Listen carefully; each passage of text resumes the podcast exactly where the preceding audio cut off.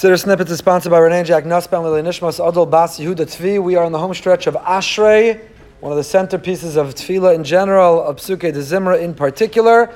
And the centerpiece of Ashrei itself is the pasuk that we're up to. We say that Hashem opens up his hand, and he brings satisfaction, he satiates to all living beings, Ratzon, his will. Now, the his is a pronoun. To whom does it refer? God opens his hand and he satisfies every living being, ratzon, his will. Whose will?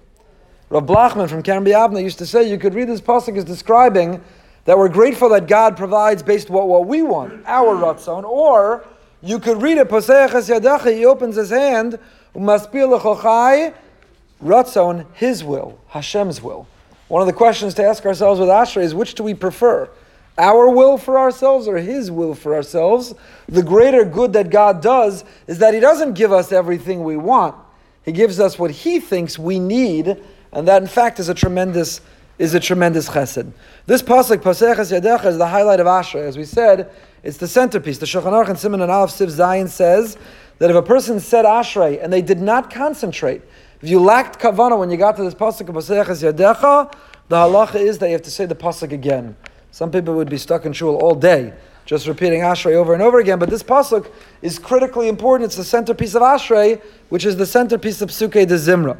It's also interesting to note that we touch our tefillin in Paseches Yadecha, touch the arm tefillin, the head tefillin. We don't do that for any other pasuk of Ashrei or for Pesukei D'Zimra in general. Sefardim see this pasuk is so significant in their benching. Before they conclude the first paragraph, Hazan es hakol, Hazan et hakol, they say, Poteach et yadecha. They invoke this pasuk there. What is so special about this pasuk that Sefardim invoke it at benching? The Shulchan Aruch records you have to concentrate or you'd have to repeat it. What is so special? We touch our tefillin. The Mishnah quotes the Tur that Ashrei was established to say every day for this pasuk. And why? Because this pasuk is an expression, a reflection of our gratitude that Hashem provides our parnasa. Hashem, you open up your hand. I don't starve, and I'm not homeless. But Hashem, you provide. Maybe not as much as I want, maybe it's not as much as I think I need, but you provide, you sustain, you preserve. You open up your hand and you give me ratzon, what you deem I need. Says the Mishnah Berurah in the name of the Tur, because this is the acknowledgement that Hashem is the one who provides and sustains, He gives our parnasa, that is why it is so special. Because getting parnasa is not so simple. The Gemara tells us, Kasha Kakriyas Yam Suf. Among the things that are as difficult as the splitting of the sea is Hashem providing a parnasa. Which means that any day which ends with a roof over our head and food in our mouth, we experienced a miracle no less significant or extraordinary as the splitting of the sea. And if that doesn't deserve gratitude, if that doesn't deserve acknowledgement and praise, I don't know what does. So if we have minimally a roof over our head and food to eat, you open your hand, and my stomach is full, then therefore I have to concentrate when I say that I have to declare the recognition that I know Hashem is behind Parnasa. The Mabit in his Sefer Beis Elokim says, note the pasuk says, "Poseches yadechu maspiach to whom lechol chai." Hashem satisfies, He provides parnasa to all, not just to those who deserve it. Some are righteous, some are meritorious, some deserve that parnasa. But Hashem doesn't only give a home and food to the people who deserves it, but rather lechol chai to all the living beings, including the animal kingdom. We have what we need. And based on this, the Mabit says, that's why the Pasuk says, Poseach es yadecha, not yadecha, yadecha. What's the difference? Yadecha means your hand. Yadecha means your hands in the plural. Why are we invoking hands in the plural?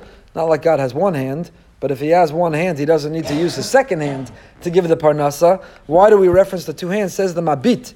Because it's not that Hashem only gives with his right hand and not the left. He gives with both hands to those who deserve it and to those who are undeserving. L'chol chayratzon. The Zohar has a magnificent interpretation, so important to understanding this pasuk and to feeling gratitude in our lives. Normally, Chazal observe that a person who has mana rotza masayim, if you have a hundred, you want 200. Whatever you have, you always want more. We're never satisfied with what we have, but rather we have an appetite, a drive. We want to accumulate in the mass, we want to experience, we want to have more and more and more, and better and better and bigger and bigger. God's greatness is poseches yadecha, but umaspia lochochai ratzon. The greatest blessing is that He satisfies our ratzon. It's not just maspia lochochai. To have enough that we're full, that's good. But sometimes the person's full and they still artificially feel hungry, whether for food, whether for finances, whether for other pleasures of this world. One is really, in fact, full, but their appetite is not sated. Kadosh Baruch Hu is l'cholchai. Not only are we full, but He provides the cholchai ratzon. He makes sure that double blessing. We have what we need, and we feel we have what we need, which is almost as big as a bracha. In fact, the Siddur Agra specifically says, "Poseachas yadecha ratzon" is the double bracha of both having sustenance and the gift of feeling satisfied from it. A lot of people have a lot of blessing. But if you're not satisfied with what you have, if you don't feel fulfilled, if you're not confident, then you don't, you're not in fact full. It's a double bracha to have what we need and to be satisfied and gratified by knowing we have what we need. And lastly, on this pasuk, the Kabbalists tell us don't read a paseches yadecha, your hand, but yodecha, the letter yud. Hashem is poseach yadecha, yud shelcha, your letter yud. Yud in Kabbalah, in Kabbalah alludes to thought. Hashem will ena- enable someone through their thoughts to redefine themselves. He's poseach as yudecha, not yadecha. He's poseach as yudecha. He opens up your letter yud. That we have the ability to control our ratzon. If we look at what we have and we feel satisfied and fulfilled, we have the capacity to be happy, not always craving and needing more. And that, in fact, is the greatest bracha, worthy of our acknowledgement, our praise, our kissing, our tefillin, our having kavana, our including in the benching. Now we understand why this pasuk is in benching. It's all about parnasa and satisfaction.